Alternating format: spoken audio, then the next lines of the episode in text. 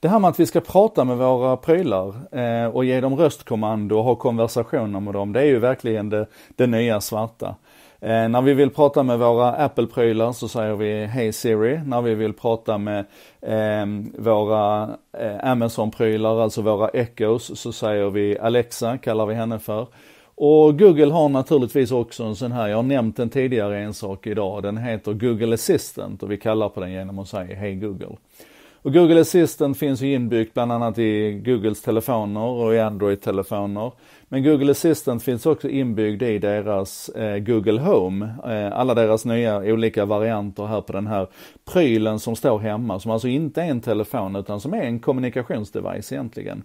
Och den är ju, det är ju en högtalare kan man säga och så är det en yta med lite touch på, på, på några av modellerna i alla fall. Och så, och så är det mikrofoner som är rundupptagande och du kan kommunicera med dem.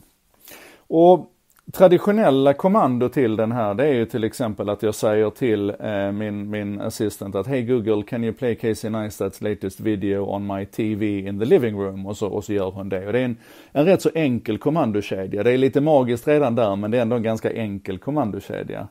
Eh, ett annat sätt att hantera det här, det är att jag låter prylarna prata med varandra via en tjänst som If this then that till exempel. Så att våra 30-tal Huey-lampor som kan lysa i 16,7 miljoner färger kan jag koppla ihop med min, med min väderstation så att när, när luftkvaliteten där hemma blir sämre och sämre så blir lamporna gulare och gulare och när det blir riktigt dålig luft så börjar de blinka rött och så går jag bort och så öppnar jag balkongdörren och så återgår de till sitt normala sken igen. Det är alltså min väderstation som kollar luftkvaliteten där inne som via en, en molntjänst kommunicerar med mina lampor i taket och styr färgen på dem. Och det där är ju lite invecklat. Det tredje faktorn här då som vi ska ha i, i åminnelse det är att Google Assistant är lite smartare än vad många av de andra röststyrningarna är. Den är lite smartare än Siri, lite smartare än Amazon. För den kan hålla ihop en kontextuell kedja. Och vi kan ta ett exempel om jag, om jag använder min Google Assistant för att googla och jag säger Hej Google, who's the president of the United States?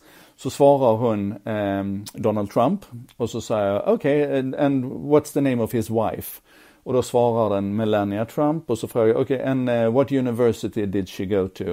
Nu vet jag inte om Melania Trump gick på något universitet, det gjorde hon förmodligen men kanske inget som... Anyway. Är ni med att det finns en kedja i det här? Den, den fattar kontexten och sammanhanget så att jag måste liksom inte ställa kompletta frågor hela tiden utan jag kan så. Bra. Det nya här nu, för nu kommer det en uppdatering av Google Assistant och det nya nu det är att den kan kombinera allt det här jag har pratat om på ett jäkligt intelligent sätt. Till exempel så är det så här, det finns ingen fingeravtrycksläsare på min Google Home, men det finns det på min Pixel 2. Och fingeravtryck är ju bra om jag ska autentisera ett köp till exempel. Och tänk dig nu följande scenario då att jag säger till, eh, jag frågar hej Hey Google, can you give me a recipe of chili? Och så får jag ett recept på, på en god chili och så räknar hon upp ingredienserna och så säger okej, okay, that sounds good, um, let's buy that. Och då säger hon, okej okay, jag har lagt till det på din shoppinglista här, är det någonting mer du vill lägga till på shoppinglistan? Så säger han, nej det, det var allt, så nu handlar vi det. Okej, okay, säger hon, är det okej okay om jag skickar över den här beställningen till din mobiltelefon och du bekräftar den med ditt finger? Ja, ja visst, och så brummar det i fickan. Jag tar upp mobiltelefonen, håller fingret mot fingeravtrycksläsaren på baksidan på min telefon och så säger Google Assistant då i min Google Home som står där borta, okej, okay, tack så jättemycket. Och då kan man ju tycka kanske att jag skulle kunna ha hela den här konversationen direkt med telefonen istället. Men då, då missar vi det här friktionslösa i, i 99% av fallen, alltså att jag går och pratar med min Google Home och inte med min telefon för den ligger i fickan och har helt andra uppgifter. Är ni med? Alltså det som händer här nu det är att vi börjar sy ihop de här prylarna i ett sammanhang så att de, en, en, ett kommando, en vilja, en önskan, en konversation kan flyta friktionslöst från den ena enheten till den andra, till den tredje, till den fjärde. Och varje enhet kan göra det som den är allra bäst på. Alla enheter behöver inte kunna göra allt. Är ni med? Vi behöver inte bygga in en fingeravtrycksläsare i Google Home för jag har redan en i telefonen. Och det kommer att förändra jättemycket.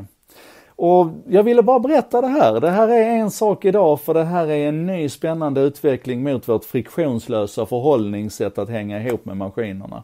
Så vi kan fundera lite grann på det där med friktion. Vad har vi för pain points idag? Vad har vi för tillfälle i vår vardag där vi känner att fan, här borde det finnas ett bättre sätt för tekniken att hjälpa mig att lösa detta.